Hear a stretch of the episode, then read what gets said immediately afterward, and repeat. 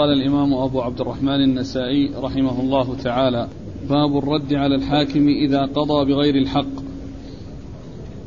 قال أخبرنا زكريا بن يحيى قال حدثنا عبد الأعلى بن حماد قال حدثنا بشر بن السري قال حدثنا عبد الله بن المبارك عن معمر حاء قال وأخبرنا أحمد بن علي بن سعيد قال حدثنا يحيى بن معين قال حدثنا هشام بن يوسف وعبد الرزاق عن معمر عن الزهري عن سالم عن أبيه رضي الله عنه أنه قال بعث النبي صلى الله عليه وآله وسلم خالد بن الوليد رضي الله عنه إلى بني جذيمة إلى بني جذيمة فدعاهم إلى الإسلام فلم يحسنوا أن يقولوا أسلمنا فجعلوا يقولون صبأنا وجعل خالد وجعل خالد قتلا وأسرا. قال فدفع إلى كل رجل أسيره حتى إذا أصبح يومنا أمر خالد خالد بن الوليد أن يقتل كل رجل منا أسيره. قال ابن عمر رضي الله عنهما فقلت والله لا أقتل أسيري ولا يقتل أحد. وقال بشر من أصحابي أسيره. قال فقدمنا على النبي صلى الله عليه وآله وسلم فذكر له صنع خالد. فقال النبي صلى الله عليه وآله وسلم ورفع يديه اللهم إني أبرأ إليك مما صنع خالد. قال زكريا في حديثه فذكر وفي حديث بشر فقال اللهم إني أبرأ إليك مما صنع خالد مرتين. بسم الله الرحمن الرحيم الحمد لله رب العالمين وصلى الله وسلم وبارك على عبده ورسوله وعلى آله وأصحابه أجمعين. أما بعد يقول النسائي رحمه الله الرد على الحاكم إذا نعم. قضى بغير الحق. الرد على الحاكم نعم. إذا قضى بغير الحق. نعم. الرد على الحاكم إذا إذا قضى بغير الحق. الحاكم إذا قضى قضاء ليس على الحق فإنه يرد حكمه عليه وينقض حكمه. وقد سبق أن مر يعني شيء يتعلق بالترجمة وهي نقض الحاكم حكم غيره ممن يكون مثله أو أجل منه. وهنا إذا قضى بغير الحق فإنه ينقض حكمه. أورد النسائي حديث عبد الله بن عمر بن الخطاب رضي الله تعالى عنهما أن النبي صلى الله عليه وسلم أرسل يعني آه، جيشا عليه خالد بن الوليد إلى بني جذيمة ودعاهم إلى الإسلام فلم يحسنوا أن يقولوا أسلمنا ولكنهم قالوا صبأنا. والصابئ هو الذي خرج من دينه إلى دين آخر. وكان الكفار يقولون للرسول صلى الله عليه وسلم الصابئ وكذلك لمن يخرج من دينه ودين آبائه وأجداده يقولون له الصابئ ولهذا أمثلة منها حديث المشركة ذات المزادتين الذي جاء في الصحيحين فإنه لما الرسول صلى الله عليه وسلم أرسل أناسا يبحثون عن الماء فوجدوا امرأة على بعير وعليه مزادتان أي قربتان كبيرتان. القربة التي زيد فيها حتى صارت أكبر من القربة لزيادة أضيفت إليها. فسألوها عن الماء فأشارت إلى أنه بعيد فقالوا اذهبي معنا إلى رسول الله. صلى الله عليه وسلم. قالت أهو الصابئ أهو الصابئ يعني الذي خرج من دين قومه. فهم رضي الله تعالى عنهم وأرضاهم ما قالوا نعم ولكنهم قالوا جوابا حسنا. قالوا هو الذي تعنين. هو الذي تعنين يعني هو الذي تريدين. الحاصل أنها قالت الصابع والثاني والمثال الثاني ثمامة ابن وثال رضي الله عنه التميمي. لما جاء وأسلم وذهب إلى مكة واعتمر وعلم به الكفار فقالوا هذا هو الصابئ يعني الذي خرج. فقال نعم أسلمت ووالله لا يأتيكم حبة بر من اليمامة إلا إذا أذن رسول الله صلى الله عليه وسلم. والله لا يأتيكم حبة بر أو شيء من البر من اليمامة إلا إذا أذن رسول الله صلى الله عليه وسلم. هذا الذي يسمونه المقاطعة الاقتصادية أو يعني العقوبة الاقتصادية. حصار اقتصادي. نعم. حصار الاقتصادي. أو حصار اقتصادي أو عقوبة. يعني لأنه قال ما يأتيكم من الإمام شيء إلا إذا أذن رسول الله صلى الله عليه وسلم.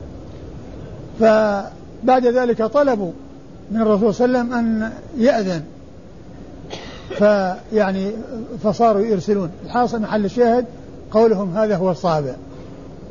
أنك صبأت أو أنه صبأ أو أنه صابع الذي خرج عن دين قومه. فقالوا صبأنا ولم يحسنوا أن يقولوا أسلمنا. فخالد رضي الله عنه يعني آه، آه، أخذ فيهم قتلا وأسرا. ثم بعد ذلك قال كل كل ودافع إلى كل شخص أسير. وقال كل يقتل أسيره. فعبد الله بن عمر رضي الله عنه قال إنه لا يفعل ذلك ولا يفعله أحد من أصحابه. ولما جاءوا إلى الرسول صلى الله عليه وسلم وأخبروه الخبر رفع يديه وقال اللهم إني أبرأ إليك مما صنع خالد.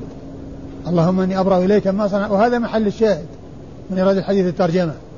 لأن الحكم أو الذي حصل من خالد وهو على غير الحق تبرأ منه رسول الله صلى الله عليه وسلم. ورفع يديه وقال اللهم إني أبرأ إليك مما صنع خالد. يعني بهؤلاء الذين يعني آه، قالوا ما قالوا ولم يحسنوا أن يقولوا أسلمنا وإنما قالوا صبأنا. آه، تعيد المتن عن عن عبد الله بن عمر رضي الله عنه قال بعث النبي صلى الله عليه وآله وسلم خالد بن الوليد رضي الله عنه إلى بني جذيمة. فدعاهم إلى الإسلام فلم يحسنوا أن يقولوا أسلمنا فجعلوا يقولون صبأنا. نعم. وجعل خالد قتلا وأسرا. وجعل خالد قتلا يعني آآ آه، آآ آه، جعل بعضهم قتلا وبعضهم أسرى يعني قتل بعضهم وأسرى بعضهم. أيوة. قال فدفع إلى كل رجل أسيره حتى إذا أصبح يومنا أمر خالد بن الوليد أن يقتل كل رجل منا أسيره. أيوة. قال ابن عمر فقلت والله لا أقتل أسيري ولا يقتل أحد. وقال بشر من أصحابي أسيرة. يعني أضاف كلمة من أصحابي. يعني أحد الشيخين أحد الشيخين يعني هو الإسناد وش هو؟ أوله؟ زكريا بن يحيى. والثاني؟ عن عبد الأعلى بن حماد عن بشر بن السري. الثاني أحمد بن عيلة بن علي بن سعيد. اي نعم يعني هذا في الإسناد. نعم. يعني آه، بشر بن السري والثاني زكريا؟ لا من هو؟ لا بشر هذا شيخ شيخ النسائي. آه، شيخ شيخ النسائي في الإسناد الثاني. شيخ شيخ النسائي في الإسناد الثاني. يعني آه، أضاف كلمة من أصحابي. نعم. فقال فقدمنا على النبي صلى الله عليه وآله وسلم فذكر له صنع خالد صنع خالد. فقال النبي صلى الله عليه وسلم ورفع يديه.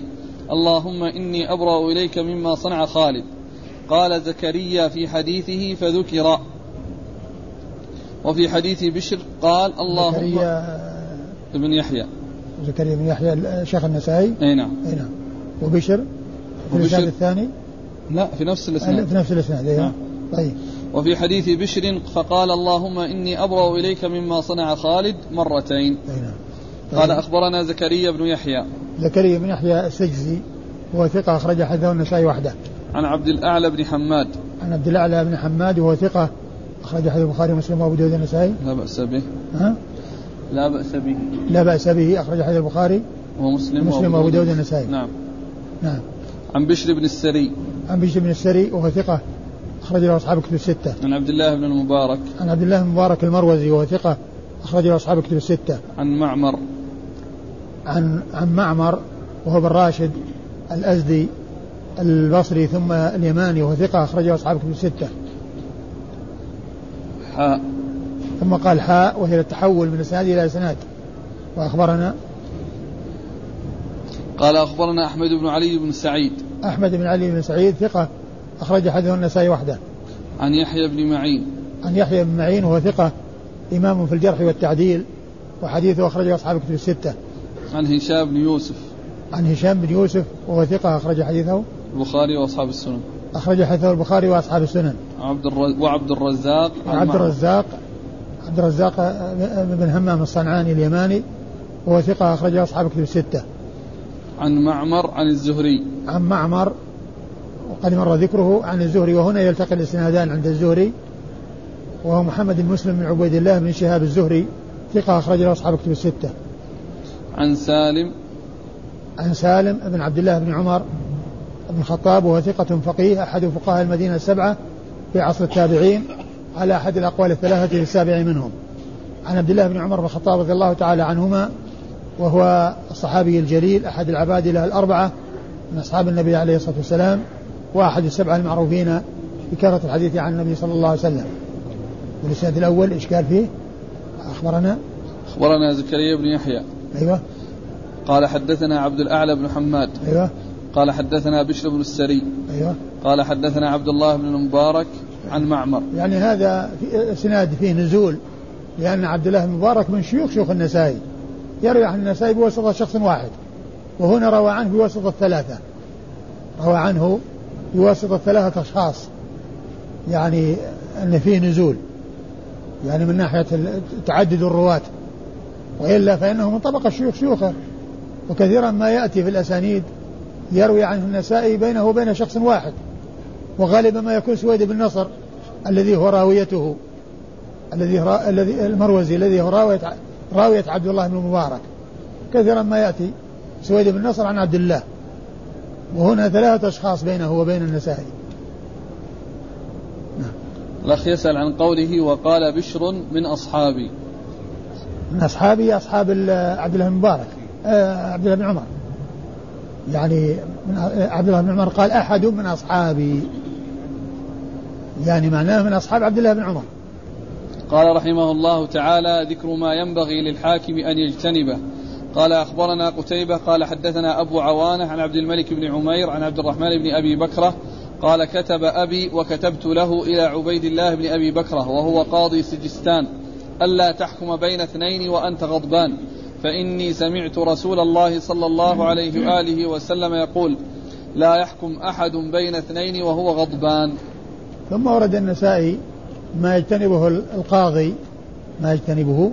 أي نعم. ذكر ما ينبغي للحاكم أن يجتنبه. ذكر ما ينبغي للحاكم أن يجتنبه. يعني وهو من ذلك الغضب عند الحكم يعني في حال الحكم لا يقضي وهو غضبان. لأن الغضب يشوش الفكر ويجعل الإنسان باله مشتغل فقد آه، لا يحالفه الصواب لما فيه من التشويش ولما فيه من آه، في آه، في ذهنه من التشويش. ولهذا جاء عن النبي صلى الله عليه وسلم أنه قال لا يقضي القاضي وهو غضبان. يعني لا يقضي القاضي وهو متصف بهذه الصفة أي في حال غضبه أي في حال غضبه ليس له أن يقضي. وهو يعني آه يعني إما نهي أو خبر ولكنه بمعنى النهي. إذا كانت لا نافية فهو خبر بمعنى النهي. وهو نهي من رسول الله صلى الله عليه وسلم للقاضي أن يقضي في حال غضبه وذلك لما يكون والحالة هذه في قلب في ذهنه من التشويش والقلق. وعدم راحة البال فإنه آه قد لا يوفق للصواب في حال تلك الشدة التي حصلت له وهي الغضب أيوه الإسناد. قال أخبرنا قتيبة. قتيبة بن سعيد بن جميل بن طريف البغلاني ثقة أخرج له أصحاب كتب الستة. عن أبي عوانة. عن أبي عوانة الوضاح بن عبد الله اليشكري ثقة أخرج له أصحاب كتب الستة. عبد الملك بن عمير. عن عبد الملك بن عمير وهو ثقة اخرج له أصحاب كتب الستة. عن عبد الرحمن بن أبي بكرة. عن عبد الرحمن بن أبي بكرة وهو ثقة اخرج له أصحاب كتب الستة. عن أبيه. عن أبيه وهو أبو بكره نفيع بن الحارث رضي الله عنه صاحب رسول الله صلى الله عليه وسلم وحديثه أخرجه أصحاب كتب الستة. ويقول كتب إلي كتب أبي وكتبت له يعني كتب أبوه يعني أنه أملى عليه الكتابة يعني هو صاحب الكتاب. وهذا هو الذي باشر الكتابة الذي هو ابنه. ابنه باشر الكتابة وهو أملى الكتاب. فأضاف الكتابة إليه لأنه هو صاحب الكتاب الذي يعني كتب ولهذا يمكن أن يقال كتب وهو إن لم يكتب. كتب كتابا يعني أنه أرسل كتابا وأملى على الكاتب أن يكتب كتابا. وإن لم يكن هو نفسه الكاتب لهذا قوله كتب أبي أي كتب كتابا آه، أملاه وأنا باشرت الكتابة له وكان الكتابة إلى أخيه عبيد الله نعم عبيد الله إلى أخيه عبيد الله وكان على سجستان و فقال إيش؟ كتب وكتبت وكتبت نعم. له إيش؟ وكتبت له إلى عبيد الله بن أبي بكر وهو قاضي سجستان ألا تحكم بين اثنين وأنت غضبان. فإني سمعت رسول الله صلى الله عليه وآله وسلم يقول لا يحكم أحد بين اثنين وهو غضبان. يعني كتب له بأن لا يحكم وهو غضبان وتلا الحديث. يعني أن وهذا مما كان عليه سلف هذه الأمة من أنهم يعني إذا يعني احتجوا أو ذكروا الأحكام أو ذكروا الفتاوى فإنهم يحتجون. ويضيفون إلى ذلك الدليل لأنه قال لا تحكم بين اثنين وأنت غضبان. هذا كلامه ووصيته لابنه ونصيحته لابنه. ثم أسند إلى رسول الله صلى الله عليه وسلم الحديث الذي بهذا المعنى لا تحكم بين اثنين وأنت غضبان. أو لا يقضي قاض بين لا يقضي القاضي بين اثنين وهو غضبان. نعم. قال ومثله يعني لأن الغضب هذا المقصود منه يعني العلة هو تشويش الفكر. فيلحق به كل ما فيه تشويش فكر مثل الجوع الشديد أو الهم الشديد أو ما إلى ذلك. ما هي القضية؟ قضية غضب فقط. يعني ما يشبهه مما يشوش الفكر. نعم. قال رحمه الله تعالى الرخصة للحاكم الأمين. أن يحكم وهو غضبان. قال أخبرنا يونس بن عبد الأعلى والحارث, والحارث بن مسكين عن ابن وهب. قال أخبرني يونس بن يزيد والليث بن سعد عن ابن شهاب أن عروة بن الزبير حدثه أن عبد الله بن الزبير رضي الله عنهما حدثه عن الزبير بن العوام رضي الله عنه أنه خاصم رجلا من الأنصار قد شهد بدرا مع رسول الله صلى الله عليه وآله وسلم في شراج الحرة كانا يسقيان به كلاهما النخلا فقال الأنصاري سرح الماء يمر عليه فأبى فأبى عليه. فقال رسول الله صلى الله عليه وآله وسلم اسق يا زبير ثم أرسل الماء إلى جارك. فغضب الأنصاري وقال يا رسول الله أن كان ابن عمتك فتلون وجه رسول الله صلى الله عليه وآله وسلم ثم قال يا زبير اسق ثم, ثم احبس الماء حتى يرجع إلى الجدر فاستوفى رسول الله صلى الله عليه وآله وسلم للزبير حقه. وكان رسول الله صلى الله عليه وآله وسلم قبل ذلك أشار على الزبير برأي فيه السعة, فيه السعة له وللأنصار. فلما أحفظ رسول الله صلى الله عليه وآله وسلم الأنصاري استوفى للزبير حقه في صريح في صريح الحكم. قال الزبير لا أحسب لا أحسب هذه الآية أنزلت إلا في ذلك فلا وربك لا يؤمنون حتى يحكموك فيما شجر بينهم وأحدهما يزيد على صاحبه في القصة. ثم أورد النسائي هذه الترجمة وهي الرخصة للحاكم الأمين أن يحكم وهو غضبان. الرخصة للحاكم الأمين أن يحكم وهو غضبان. لما ذكرت الترجمة لما ذكرت الترجمة السابقة وهي أن القاضي يجتنب القضاء وهو غضبان لما يكون هناك من التشويش في الحكم التشويش في البال فقد يتأثر بذلك الحكم. عقبه بهذه الترجمة وهي الرخصة للحاكم الأمين أن يقضي وهو غضبان. أن يقضي وهو غضبان. وهذه الترجمة آه الذي حصل منه رسول الله صلى الله عليه وسلم والحكم في حال غضبه. ومن المعلوم أن الرسول صلى الله عليه وسلم مشرع هو, هو الذي يأتي بالشرع وهو المعصوم عليه الصلاة والسلام. معصوم من الخطأ يعني في حكمه وفي ما يأتي به من الشرع. صلوات الله وسلامه وبركاته عليه سواء كان في حال غضبه أو في غير في غير حال غضبه. قياس غيره عليه يعني فيه ما فيه ويمكن أن يكون بعض الناس يجهل عليه بعض الناس وعنده حلم ولا يؤثر ذلك عليه.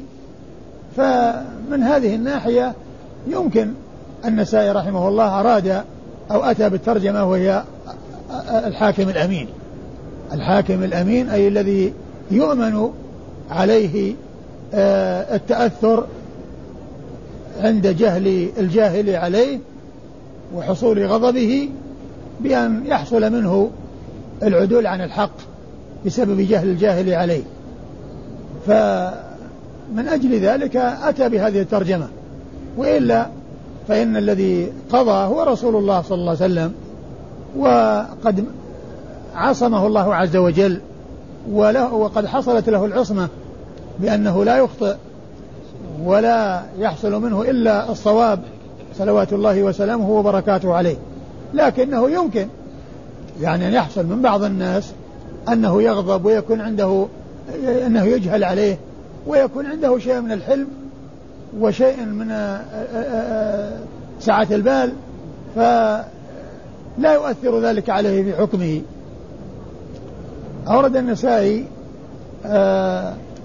حديث الزبير بن العوام رضي الله عنه في قصة اختلافه مع أنصاري كان جارا له وكان الزبير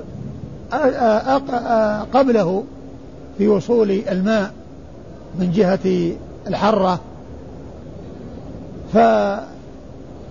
فلما حصل السيل جاء الأنصاري وقال سرح الماء يعني لا تحجزه بل أرسله إلى إلى زرعي أو إلى مزرعتي فتخاصم إلى رسول الله صلى الله عليه وسلم فقال له اسقي يا زبير وأرسل الماء إلى جارك لأن هذا هو الأعلى وهو الأقرب إلى المسيل فيأخذ نصيبه أو يشرب ثم يحيل للذي بعده. ما يكون المتأخر هو الذي يشرب أول ثم يرجع للأول لأن الأول هو الأحق هو الأحق بالماء. ما دام انهم مشتركين في المسيل ما دام انهم مشتركين وهذا يعني يحصل له أول وبعد ذلك يرسل على جاره يرسل على جاره. فلما قال له اسقي يا زبير ثم أرسل الماء قال الأنصاري أن كان ابن عمتك يعني حكمت له لأنه ابن عمتك والزبير هو ابن عمة الرسول صلى الله عليه وسلم ابن صفية بنت عبد المطلب أمه صفية بنت عبد المطلب عمة الرسول صلى الله عليه وسلم ابنة عبد المطلب.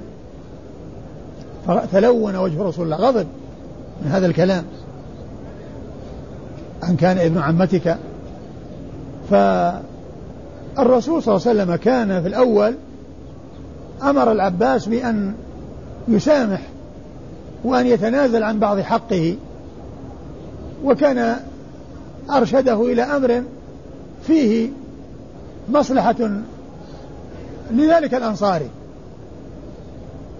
ولكنه لما قال ما قال حكم وأعطاه حقه الذي يستحقه وهو أنه يعني يسقي ويحبس الماء حتى يصل إلى الجدر.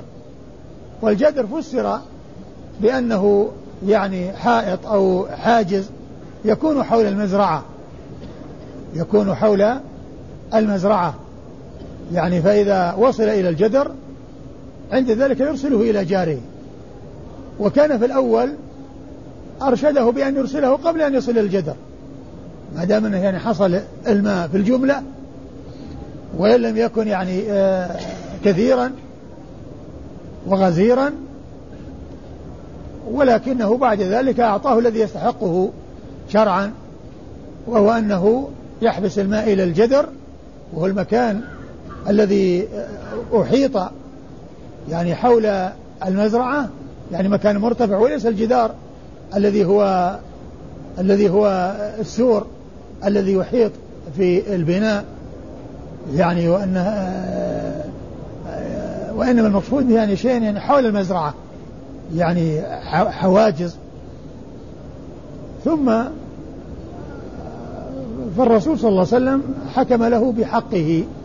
والأول إنما هو آه، إرشاد للزبير أن يتنازل عن بعض حقه.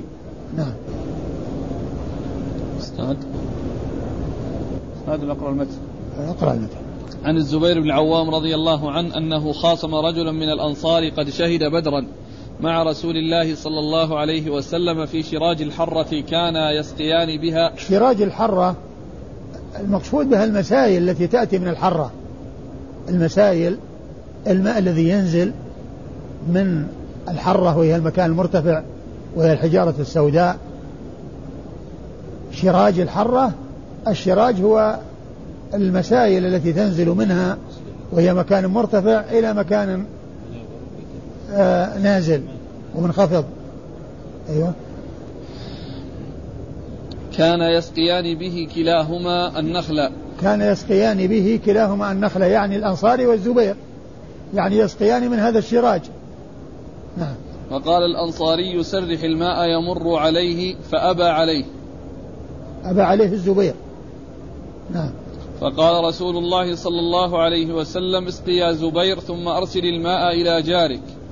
يعني هذا هو الذي أرشد الزبير إليه رسول الله صلى الله عليه وسلم وهو أنه يعني يسقي وإذا يعني وجد الماء في الزرع أو في المزرعة يرسله لا يحبسه حتى يرتفع الذي هو حقه. نعم. وقال فغضب الأنصاري وقال يا رسول الله أن كان ابن عمتك فتلون وجه رسول الله صلى الله عليه وآله وسلم. ثم في هذا وفي هذا يعني آآ آه، آآ آه، آه، صبر رسول الله صلى الله عليه وسلم وما يحصل له يعني من من الشيء الذي يؤذيه وتحمله صلى الله عليه وسلم وهو القدوة. وفي هذا تسلية للحكام وللقضاة إذا حصل يعني جفاء وغلظة وشيء يعني فيه شيء من بعض الخصوم يعني عليهم أن يصبروا كما صبر رسول الله صلى الله عليه وسلم. رسول الله وهو رسول الله. يعني قيل له مثل هذه المقالة.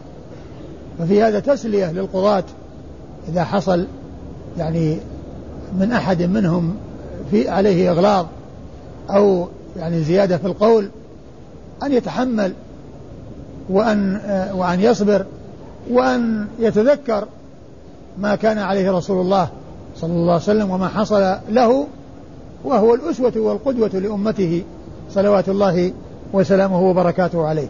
نعم. فتلون وجه رسول الله صلى الله عليه وآله وسلم ثم قال يا زبير اسق ثم احبس الماء حتى يرجع إلى الجدر. وهذا هو الحكم الذي يستحقه مثله. نعم. فاستوفى رسول الله صلى الله عليه وآله وسلم للزبير حقه. يعني بهذا الحكم بهذا الحكم الحكم اللي هو الأخير الذي هو آه الذي يستحقه الزبير استوفاه له. وأما في الأول أراد النبي صلى الله عليه وسلم لا يستوفي الزبير الحق وإنما يأخذ بعض حقه ثم يرسل الماء لجاره. أيوه.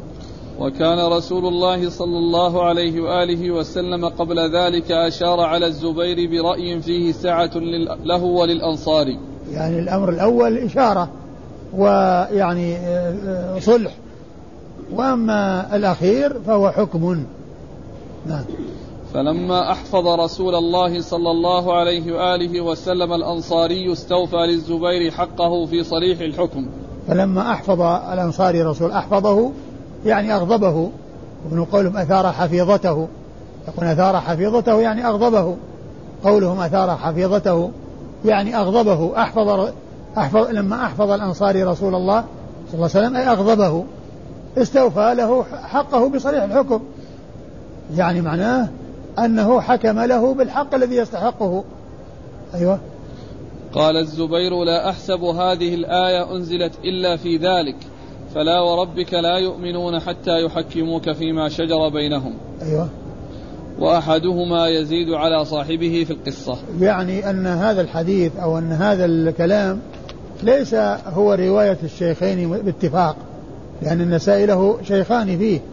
من هما؟ يونس بن عبد الأعلى والحارث بن مسكين. يونس بن عبد الأعلى والحارث بن مسكين. أحدهما يزيد على الآخر. يعني ليس هذا اللفظ لفظهما جميعا بل هذا لفظهم في الجملة وبعضهم يزيد على الآخر. ليس اللفظ واحدا متفقا عليه عندهما وإنما بعضهما يزيد على الآخر. نعم. الآية فلا وربك لا يؤمنون. يعني معناه أن يقول الزبير لا أحسب أي لا أظن أن هذه الآية إلا نزلت فيه. يعني في كونه قال له آه أن كان ابن عمتك لما حكم له. مع أن الأول ليس حكم وإنما هو صلح. وفيه فائدة له وهو أقل من حق الزبير. نعم. ها؟ شهد بدر مع الصحابة اي نعم. هكذا. أيوه. إيش؟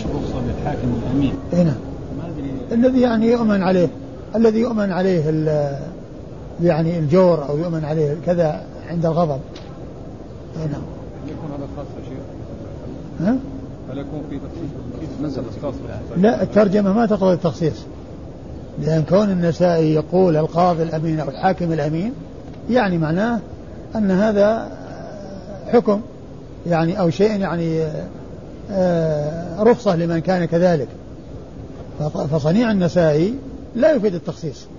لا أقصد على صنيع النسائي أقصد على فعل الرسول صلى الله عليه وسلم هل يكون خصوصيات هل يكون إيش؟ هل يكون من خصوصيات الرسول صلى الله عليه وسلم؟ لأن في الترجمة الأولى نهى الرسول صلى الله عليه وسلم أن يحكم أحد وهو في حالة الغضب. إيه بس كان من رخصة. هنا يعني آه، هو نهى.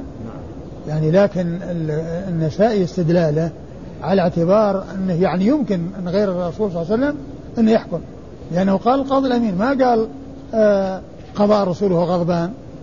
أو آه، قضاء رسول الله وهو غضبان؟ حتى يكون من خصائصه. وإنما ترجمته تدل على أن هذا في ترخيص وأن النهي الذي الذي مر ليس على إطلاقه بل يخص منه القاضي الأمين الذي يعني يملك نفسه عند الغضب والذي لا يؤثر عليه الغضب. يعني هذا هو الذي يريده النسائي. الأخ يسأل في قوله تعالى لا يؤمنون. ما هو المنفي؟ أصل الإيمان أو كمال؟ آه طبعا إذا كان ال ال ال ال ال الذي يعني حصل هو عدم الرضا وأن حكم الرسول, الرسول صلى الله عليه وسلم أنه يعني آه، غير مقبول طبعا هذا كفر. وأما إذا كان أنه يعني آه، يعني آه، شيء حصل يعني عن طريق الغضب وما إلى ذلك مثل ما حصل لهذا الأنصاري مثل ما حصل لهذا الأنصار إذا قال إن كان ابن عمتك الرسول هذا ممن شهد بدرا وهو من الذين قال الله عز وجل فيهم اعملوا ما شئتم فقد غفرت لكم اعملوا ما شئتم فقد غفرت لكم.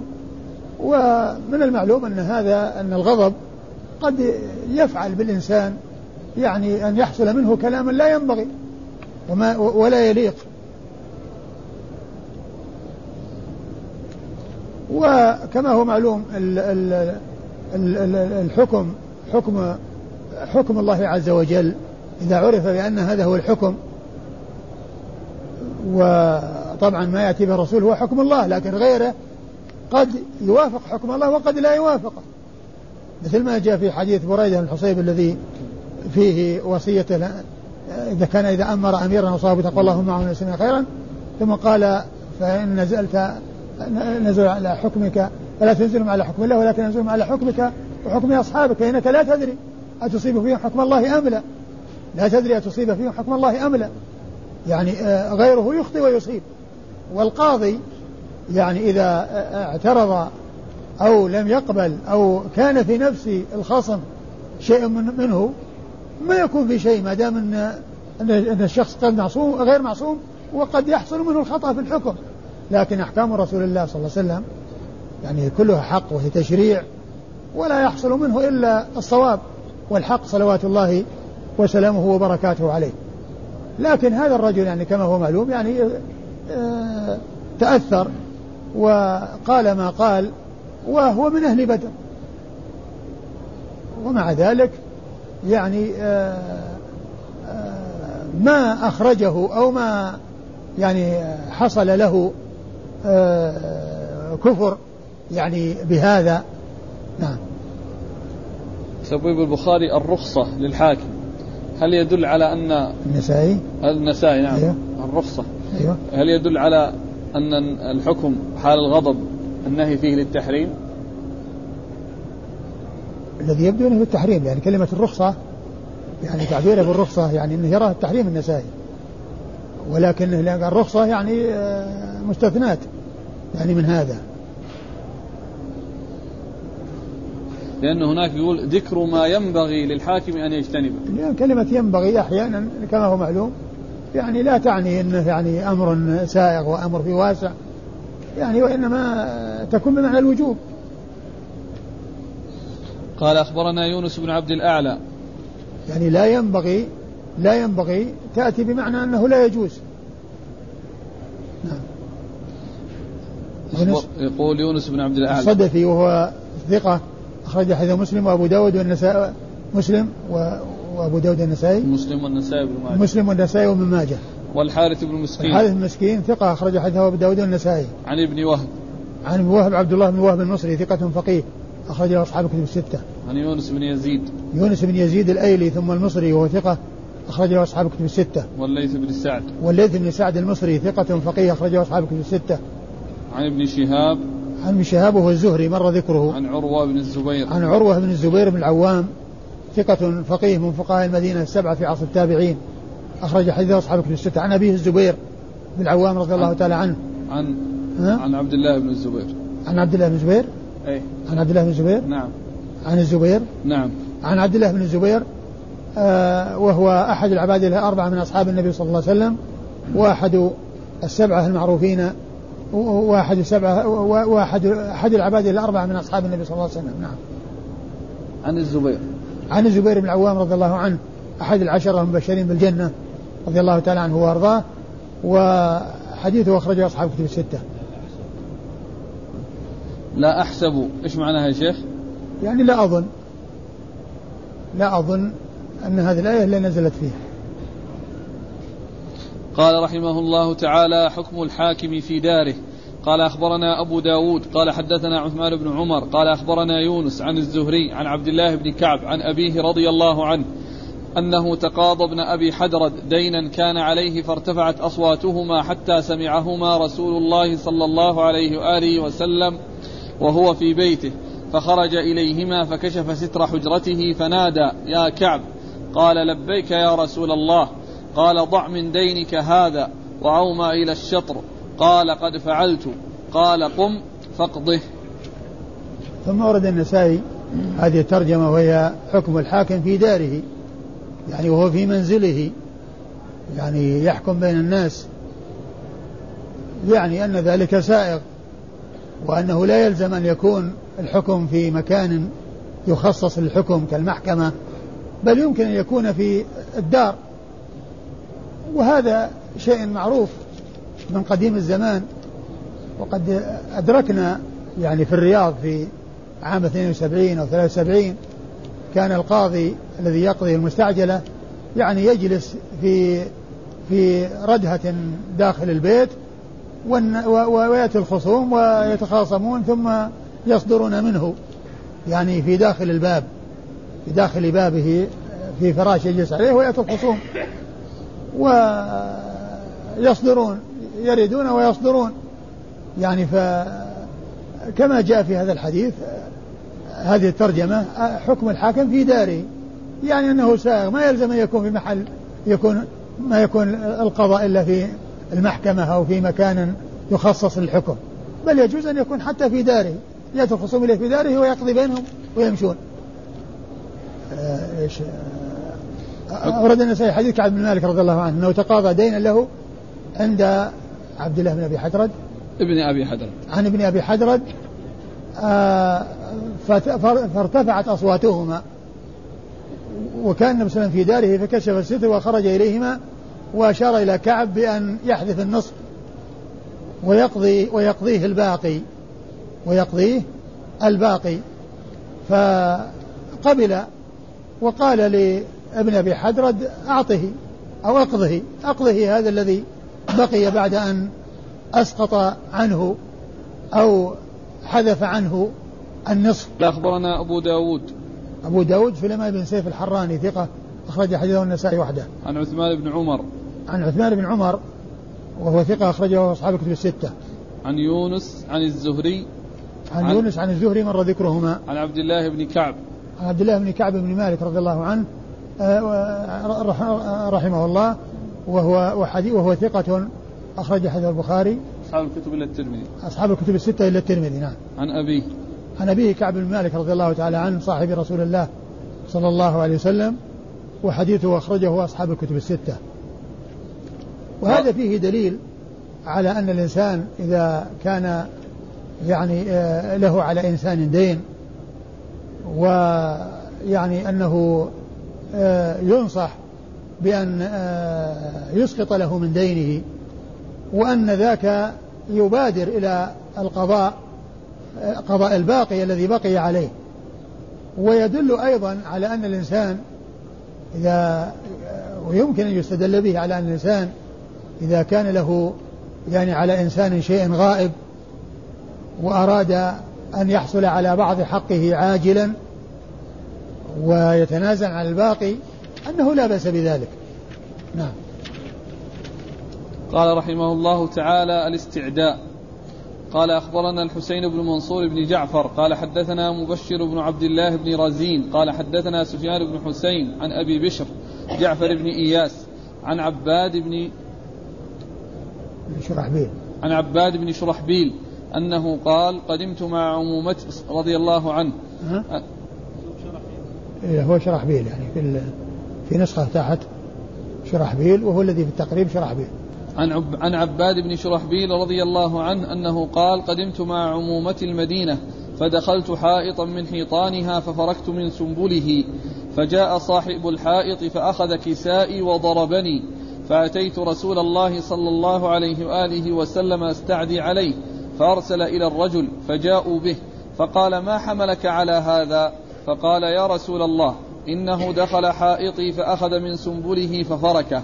فقال رسول الله صلى الله عليه وآله وسلم ما علمته إذ كان جاهلا ولا أطعمته إذ كان جائعا. أردد عليه كساءه. وأمر لي رسول الله صلى الله عليه وآله وسلم بوسق أو نصف وسق.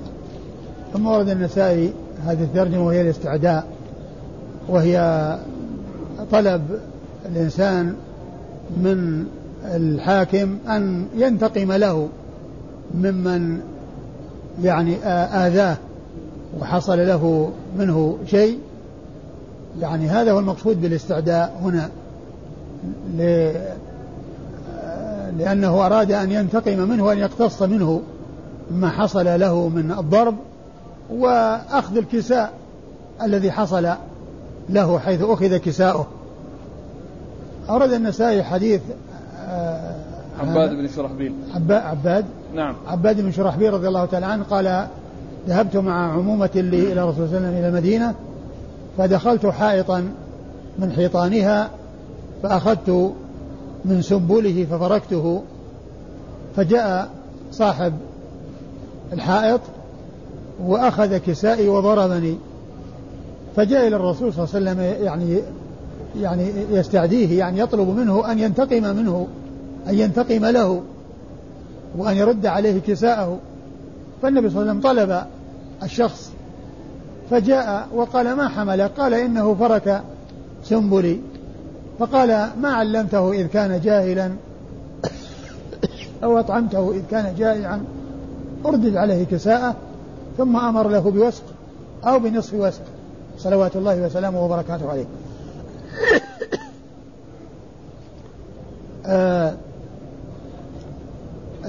المقصود من الترجمة هو كون الرجل جاء الرسول يستعديه يعني يطلب منه أن ينتقم له.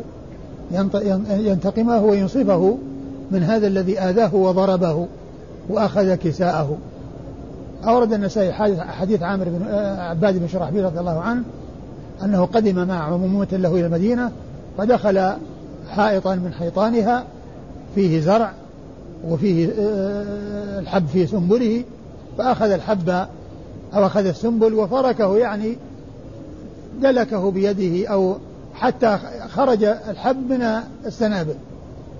حتى خرج الحب من السنابل. فجاء صاحب الحائط وضربه وأخذ كساءه. ولما اشتكاه إلى رسول الله صلى الله عليه وسلم ودعي قال له ما علمته إذ كان جاهلا. وما أطعمته إذ كان جائعا فهو يعني جاهل وغريب ومحتاج وجائع. كان من حقك أن تعلمه وأن تطعمه. ومن المعلوم أنه سبق أن مر في بعض الأحاديث أن الإنسان إذا كان مر بحائط يعني فله أن يأكل منه ولا يتخذ خبنة ما يروح يعني يحمل معه شيء.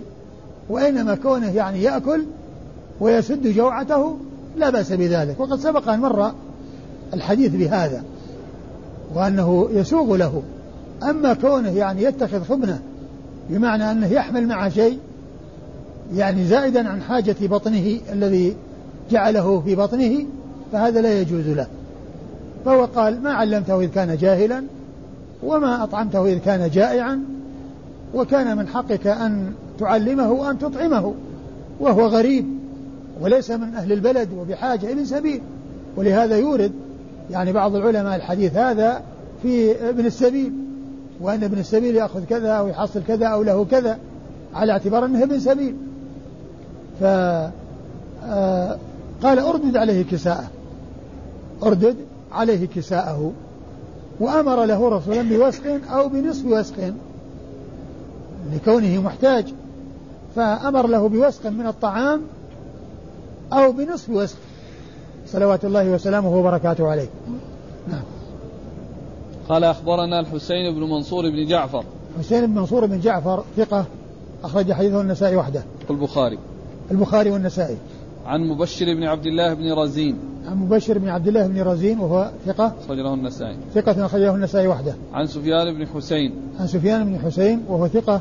أخرج حديثه البخاري تعليقا ومسلم في المقدمة وأصحاب السنن.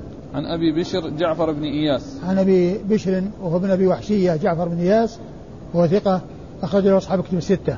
عن عباد بن شرحبيل. عن عباد بن شرحبيل صاحب رسول الله صلى الله عليه وسلم وحديثه أخرجه أبو داود النسائي وابن ماجه.